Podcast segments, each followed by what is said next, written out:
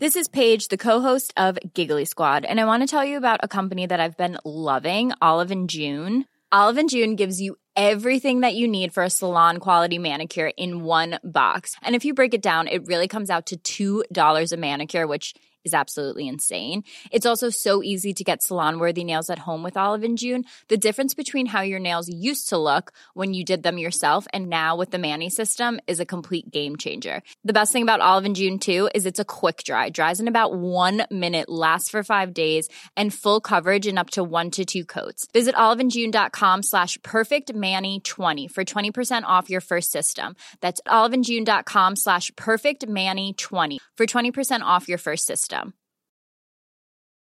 Here's a cool fact a crocodile can't stick out its tongue. Another cool fact you can get short term health insurance for a month or just under a year in some states. United Healthcare short term insurance plans are designed for people who are between jobs, coming off their parents' plan, or turning a side hustle into a full time gig. Underwritten by Golden Rule Insurance Company, they offer flexible, budget friendly coverage with access to a nationwide network of doctors and hospitals. Get more cool facts about United Healthcare short term plans at uh1.com. Planning for your next trip? Elevate your travel style with Quince. Quince has all the jet setting essentials you'll want for your next getaway, like European linen, premium luggage options, buttery soft Italian leather bags, and so much more. And is all priced at 50 to 80% less than similar brands. Plus, Quince only works with factories that use safe and ethical manufacturing practices. Pack your bags with high-quality essentials you'll be wearing for vacations to come with Quince. Go to quince.com/pack for free shipping and 365-day returns. Hej alla fina lyssnare, kära barn, igen. Så jag antar att det är tisdag. Louise Hallin. Mona Göransson. Tanterna som kan allt om barn, tänker vi. Och inte nog med det, vi räddar alla barn i hela världen. Jaha. Ni har säkert hört våra meriter på professionella sidan hur många gånger som helst och det står på vår hemsida också. Vi hoppar dem idag. Ja. ja. Och vi har fått in frågor som vanligt och jag kommer sätta igång med en gång här. Hej! Jag har en fråga gällande min dotter. Hon är drygt 1,5 år. Hon är väldigt mån om sin personliga sfär. och tycker inte om när andra barn kommer för nära henne. Hon tycker att andra barn är superspännande men just barn runt 4 till 7 som kommer väldigt nära stör henne ibland. Och då skriker hon nej med stora bokstäver, står det här. Men ibland slår hon också till dem som ett slags slag eller viftar med handen. Jag undrar hur hårt man ska säga till och hur mycket man kan säga till. Slagen i sig träffar inte alltid och gör absolut inte ont men vi vill såklart lära henne att man får inte slåss. Det vi har gjort hittills är att tala om för barn eh, som vi träffar och vår dotter att hon inte gillar så mycket att man kommer för nära. Och det förstår de när man berättar det för dem. Hon kan inte språket så därför kan hon inte uttrycka hur hon vill ha det. Vi pratar, vi tränar med vår dotter. Att man alltid får säga stopp när någonting kommer för nära. Och så visar vi det här stopptecknet med handen. Mm. Ibland kommer hon ihåg det i stunden faktiskt, när hon känner sig trängd. Men ibland är det för starka impulser. Och vi har, vad vi har gjort då är att vi har tagit hennes hand och säger nej. Och upprepar igen och tycker att hon eh, Tycker hon att någon är för nära så får hon alltid säga stopp. Vi hjälper henne med det. Vad är er rekommendation givet hennes ålder? I övrigt har hon, är hon en helt fantastisk unge, våran lilla tjej. Bebistiden har varit underbar. Vi har varit lediga mycket tillsammans alla tre. Vi sover mycket och vi njuter av vårt familjeliv. Hon är väldigt trygg och glad och social tjej. Ja, det låter inte som lilla Gullet har någon, några syskon Nej, till exempel. Nej. Så hon har inte varit med om sådana tuffa fighter med sina precis. syskonen. Vi hör, vi, hör vi någonting som avviker överhuvudtaget? Nej, det tycker jag inte. Nej. Jag tänker att hon markerar nu att hon kan säga ifrån. Mm. Och att ibland undrar jag om föräldrarna ingriper för snabbt. Mm. Att det här när man har syskon så skolas man ju socialt. Mm. Ibland blir det ju så att om man, om man knuffar till sitt syskon så får man en knuff tillbaka. Ja, precis. Att kanske avvakta lite och se om det skulle kunna vara en social skolning där. Ja. Det tror jag absolut. För Ja. att hon är inte rädd när hon säger ifrån. Nej. Mm. Hon saknar språket som mamma säger. Men hon saknar absolut ingen kontroll över sin vilja. Hon vet precis hur Ja. Mm. nära man kan gå henne. Och den här integriteten mamma och pappa ska ni vara otroligt rädda om hos Och henne. glada för. Och glada för. För det är det som kommer i hennes personlighet att hålla henne borta från trubbel jättemycket. När vi upplever att våran integritet kränks av invasion eller elakheter eller kommentarer eller fysiskt våld eller så. Då kommer det upp en otrolig aggressivitet inom alla människor. ja, för och att man blir rädd också. Ja, man blir rädd. Vad ska det här leda Ja. till? Kommer det att bli för mycket? Jag kan inte andas. Alltså, vad är det som händer? Och hon har en fysisk upplevelse av det där. Och därför så skriker hon och knuffar och vill inte. Och jag tycker ni ska låta de här barnen som inte har själva den integriteten utan väller in över hennes kanter. Att de själva ska ta konsekvenserna av det som händer.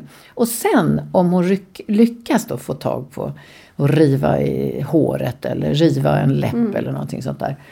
Då kan man berätta det för barnen. Men jag tycker ni ska låta, precis som Mona säger, låta henne utöva sin försvarslinje själv.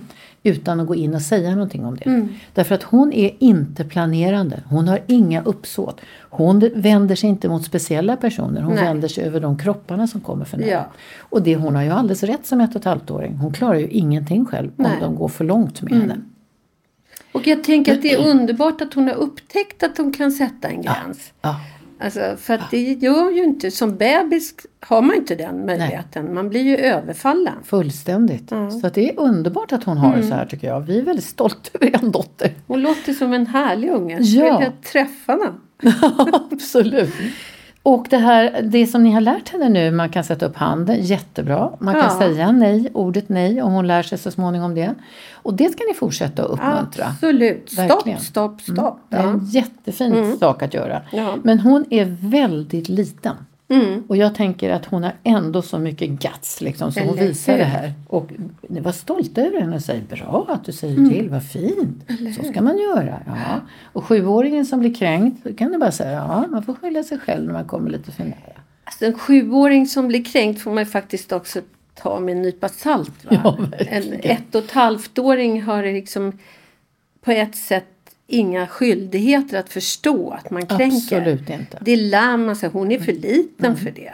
Bara för att man är gullig så kan inte folk bara välla in. Det går Nej. inte. Så, Och jag tänker också att när hon blir lite äldre så låter hon ju som hon kan ha en grundplatta som verkar väldigt kraftfull. Mm. Och det är fantastiskt. Så hon kan sen bli en ledare och ledare som är stora och starka och Ja. de är också snälla ofta. Och jag tycker att man ska försvara henne inför andra. Va? Att om hon liksom knuffar bort en sjuåring Ja. som blir kränkt så får man säga, ja vet du att hon sa ifrån och det är jätteviktigt att du förstår det. Mm. Så att hon hör att man respekterar att hon sätter en gräns. Precis, precis. Sen konsekvenser kommer sen att bli senare i livet Ja. som hon kan lära in förhållningssätt till. Ja, det Mm. kommer hon att lära sig. Mona, vi fick ju precis ett meddelande om poddtopp. Ska vi Ja. inte berätta det? Jo, jag tänkte just fråga dig om du visste vad det var. Nej, jag har aldrig tittat på det. Men du hade gjort det? Jag hade tittat på det någon gång, för jag lyssnar gärna på podd. Ja. Och då kan man gå in på webben och titta på poddtoppen.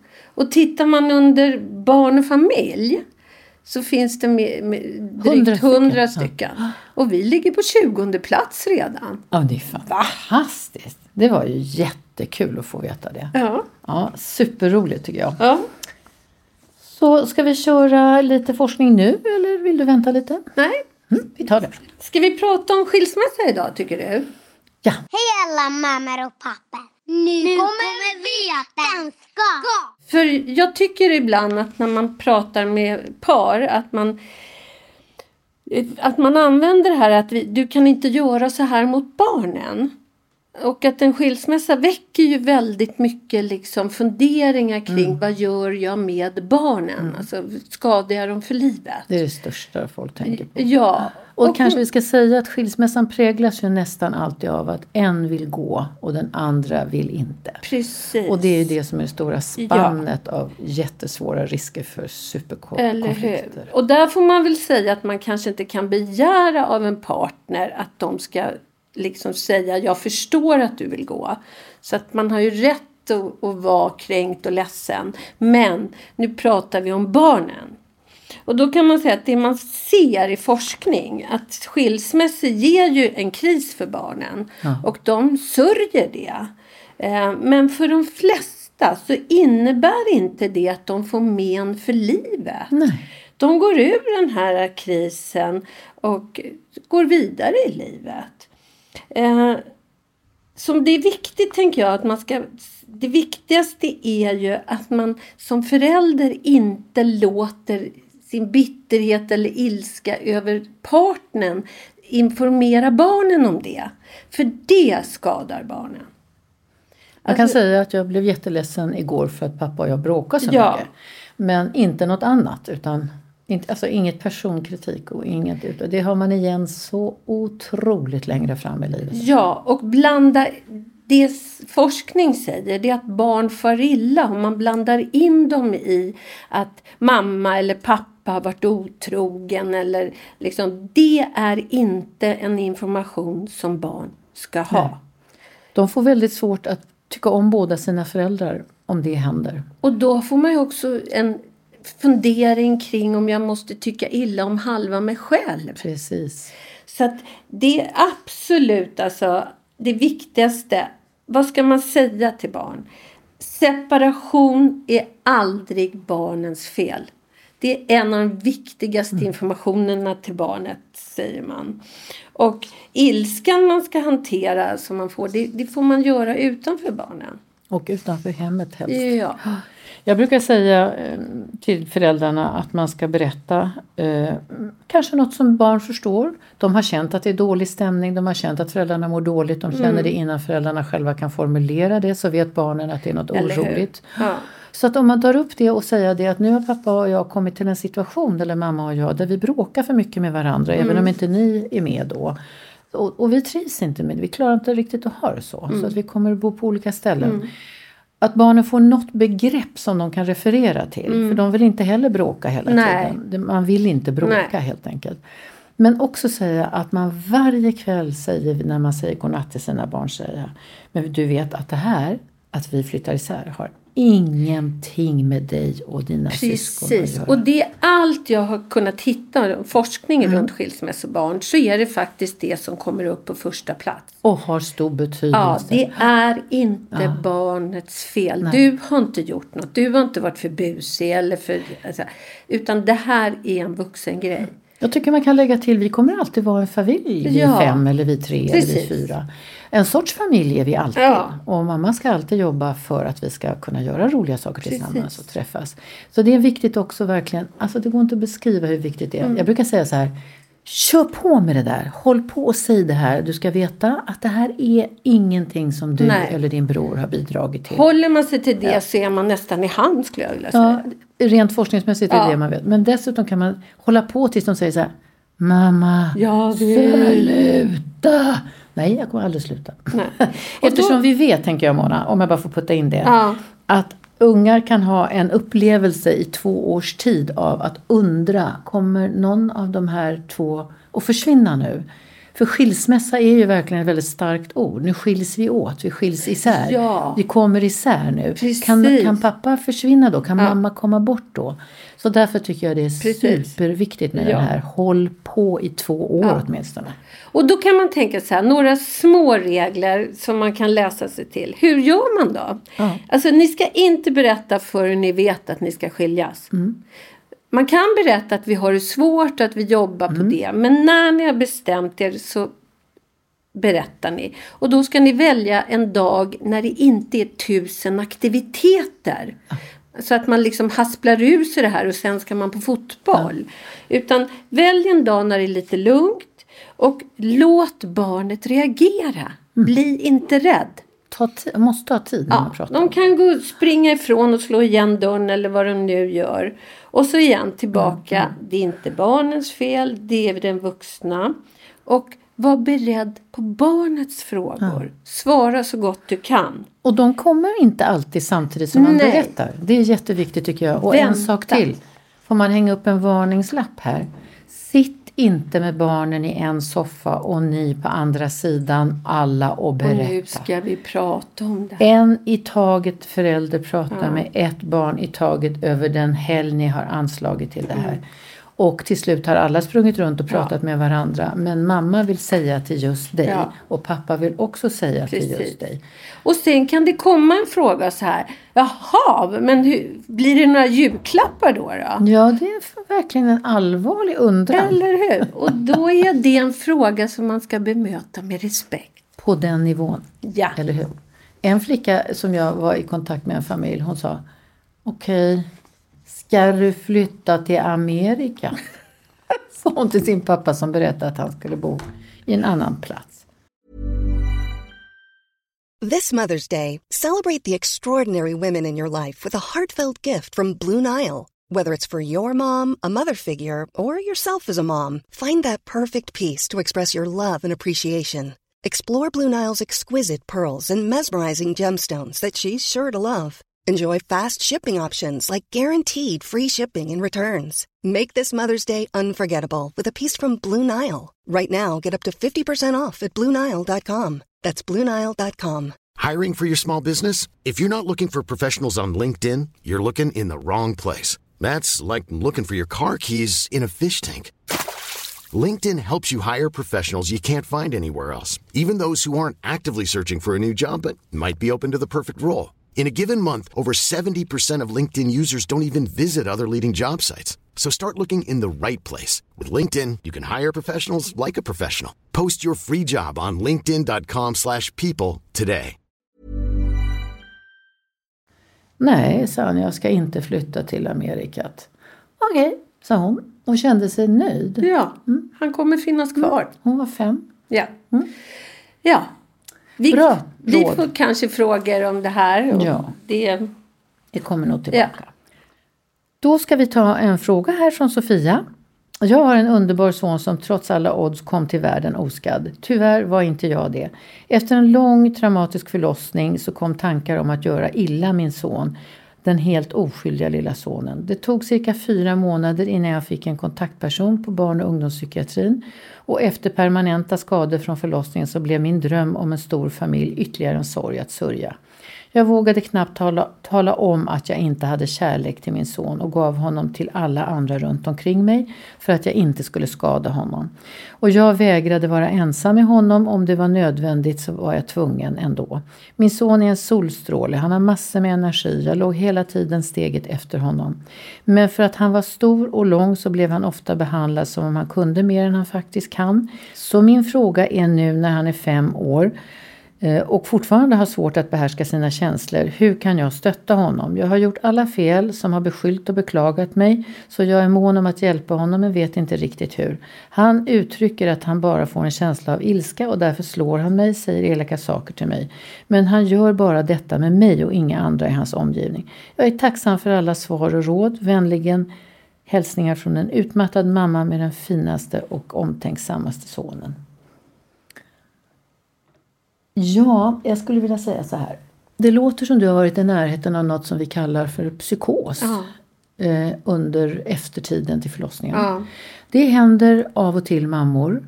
Och det kan finnas väldigt mycket olika grund i det. Det kan finnas tidigare sjukdomstillstånd, tidigare skörheter trauma. och trauma framför allt. precis. Så att där börjar vi vår rådgivning och då behöver man säga till dig att man hoppas, fast det inte står i ditt brev, att du fått hjälp på, i stunden och på platsen och BVC från början. Jag har ett glapp här i texten när jag läser där jag inte förstår hur BVC har förhållit sig till det här. Kan det vara så att du inte har berättat det här helt enkelt? För det känns ju väldigt svårt att ha det så här. Och man blir lite rädd att någon ska ta barnet ifrån en och sådana saker. Och finns det någon pappa till barnet? Ja, det ser vi inte heller i det här brevet. Det låter väldigt ensamt mellan honom och dig. Det har pågått i fem år. Har du tidigare psykisk skörhet? Har du fått hjälp? Är du utredd? Finns det någon möjlighet för dig att ringa in det så tror jag det skulle vara väldigt viktigt att göra. Att du skyddade honom genom att låta många andra ta hand om honom så mycket som det bara går. Och där hör vi inte heller något om pappa. Det tror jag att du ska tänka på som en skyddsåtgärd. Det var en god tanke att blanda in människor som inte var lika sköra som du var just Ja, men jag tänker att det är ett ytterst bevis på att du inte ville skada honom. Ja, precis det, var, så. det var negativa tankar du fick. Men du gör ju allt för att skydda honom. Precis. Och det måste du komma ihåg. Sen låter det så ju äldre han har blivit som om aggressivitet mellan mamma och barn finns. Och hon skriver att hon har liksom anklagat och skrikit och varit arg och sådär.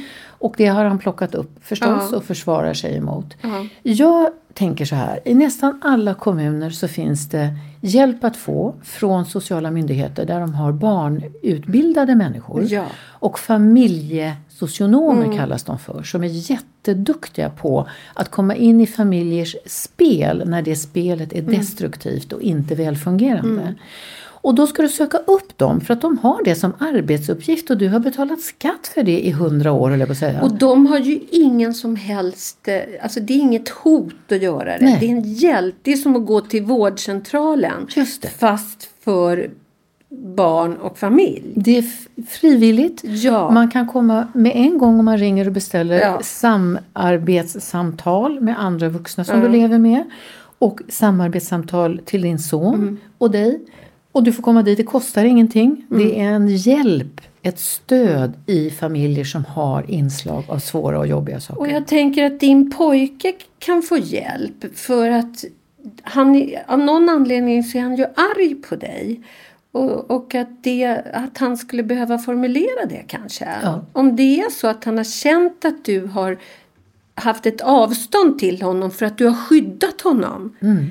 Men att det ändå... Den det goda väcker- gärningen. Ja. Men som ändå har fallit ut konstigt för honom kanske. Och det väcker ju ilska hos barnet va, när mamman backar. Så fort en mamma backar det minsta lilla, det räcker att hon är förkyld och har feber, banne mig, så blir, ungen, ungarna arga. Ja, man kan, det räcker ju med att man pratar i telefon. Ja, de blir urarga om de inte kan lyckas dra på sig uppmärksamheten. Precis. Så han har inte nödvändigtvis skador, din son, alls. Utan det kan bara vara att han måste få mer förståelse för sina reaktioner Ja. och för ditt beteende. Om du själv upplever att du har en psykisk skörhet så behöver du till varje pris söka hjälp. Du behöver gå i terapi och du behöver ha stöd och du behöver veta varför det är skört. Och det är den vuxna sidan av det här där du kan ta all makt över dig själv. Helt enkelt. Eller hur? Och du har ju en enorm styrka. Du hjälpte dig själv. Du skyddade din pojke när du var som allra skörast. Så att den styrkan du besitter, den är jättestor. Och du kan få remiss till psykiatrin genom din distriktsläkare. Men också är ni kvar på barnavården. Och barnavårdscentralen har en läkare där du bor. Och den läkaren ska du beställa till, tid till. Och har du inte delgivit dina tidigare illamåenden som var då. Så ska du göra det nu Ja. och berätta om hur skört det blev för dig. Och jag hoppas verkligen att du står ut med att berätta. För det är då man får hjälp. All hjälp är knuten till vad man berättar. Precis. Ja. Så inte ge upp utan gå vidare i en större barnatid och be om hjälp. Bra. Ja, då ska vi ta en sista fråga. Ja. Den verkar kort. Det står så här. Jag har en tioåring med ADHD och autism på nivå 1. Jag märker att jag tolkar alla ovälkomna beteenden som symptom på hans NPF-diagnos, som det kallas. När jag träffar jämnåriga så kan jag ju se att andra tioåringar också kan vara skitjobbiga. Ursäkta språket står det här. Skulle du kunna berätta lite om tioåringars normala utveckling? Då detta är mitt första och äldsta barn så känner jag att jag famlar lite. Jag vet inte vad, vad som händer i de där åldrarna. Eller hur? Jag tänker att Bra det här fråga. är risken om man har en diagnos. Ja. Att allting, normala beteenden. Det finns ju forskning som visar inom psykiatrin att, att är, har man en psykisk diagnos så är även om det är en normal reaktion så blir den tolkad som sjuk. Precis som mamma skriver. Ja, Ja, så du, att du är på din vakt, han är helknäpp då när man tittar, när han gör det som alla tioåringar gör förmodligen. Det är spännande att du frågar om den här åldern tycker jag. För 10 till 12-åringar, det finns banne med inga böcker om dem. Man läser inga psykologiska avhandlingar om dem. Och man snackar nästan aldrig om de här ungarna. men det är ju ingenmansland va? Verkligen är det För det. det är liksom tiden innan Allt. helvetet Och efter bryter ut. Precis. Jag brukar tänka på 10-12-åringar. De är så här, merparten av tänderna är tillbaka men inte alla. De vill alltid vara med. De vill alltid lyssna. De sitter och hänger liksom på sofforna så här med lite halvöppen mun så här, och stirrar på vuxna och lyssnar på språket och vad de pratar om. Då brukar jag titta på dem lite ibland och så säga så här, skulle, vill du säga lite? Och så här, nej, Nej, de inte tal om. insuper. Men de suger åt sig som ett läskpapper. Och dessutom så håller deras kropp på att växa i dramatik just den här perioden. Och musklerna, de dras ut av, av skelettet som växer. Men det kliar i hela kroppen då. Så man måste hela tiden åla och ligga på ryggstöd och komma ner under soffan och hänga på på, på, på det här kantstödet och allt sånt där. De är ju ganska kul i den här. Men sen har de ju fortfarande det här lilla barnets liksom brist på impulskontroll. Va? Det har, alltså de har inte det, riktigt lärt sig det. Och så är, man, är de för stora för att man ska acceptera det.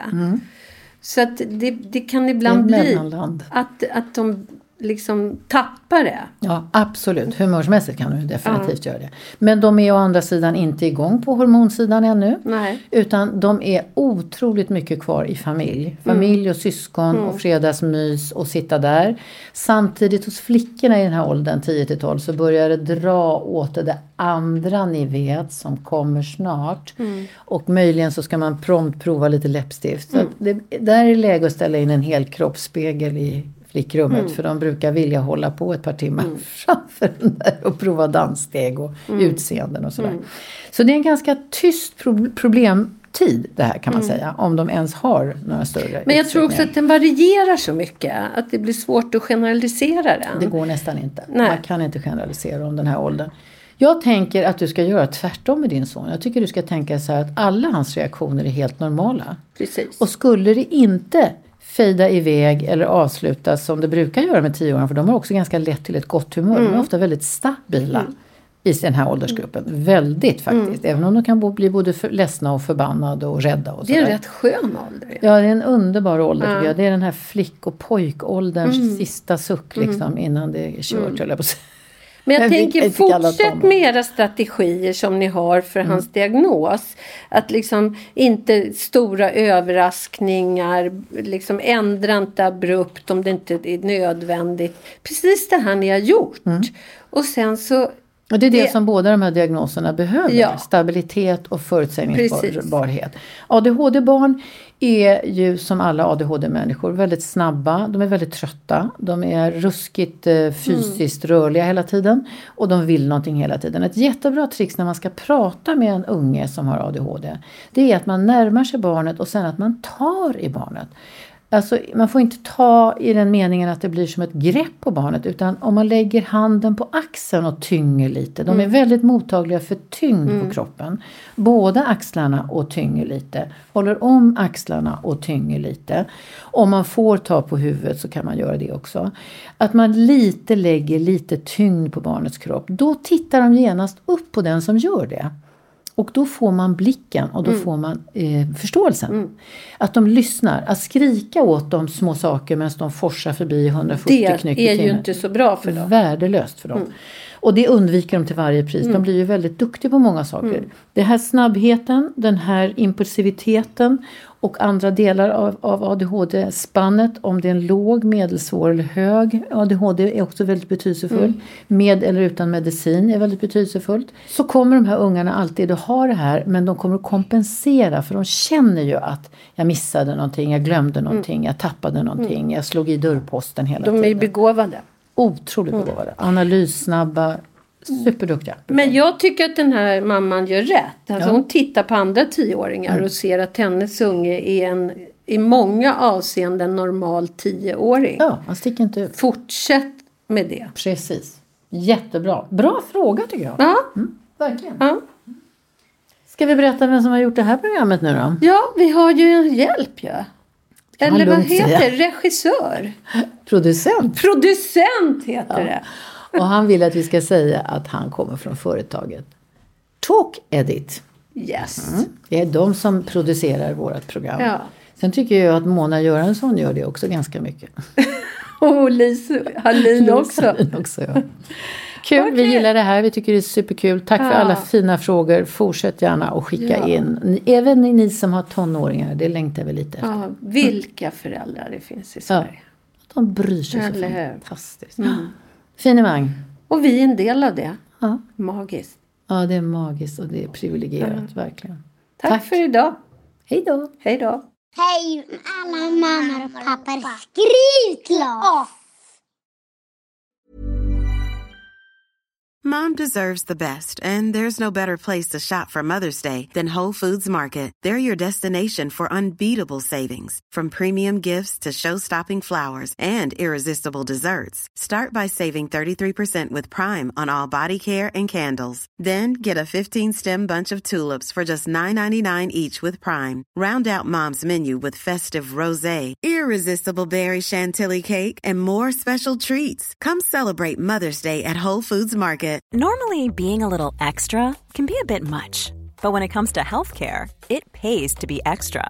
And United Healthcare makes it easy with Health Protector Guard fixed indemnity insurance plans. Underwritten by Golden Rule Insurance Company, they supplement your primary plan, helping you manage out of pocket costs without the usual requirements and restrictions like deductibles and enrollment periods. So when it comes to covering your medical bills, you can feel good about being a little extra. Visit uh1.com to find the Health Protector Guard plan for you.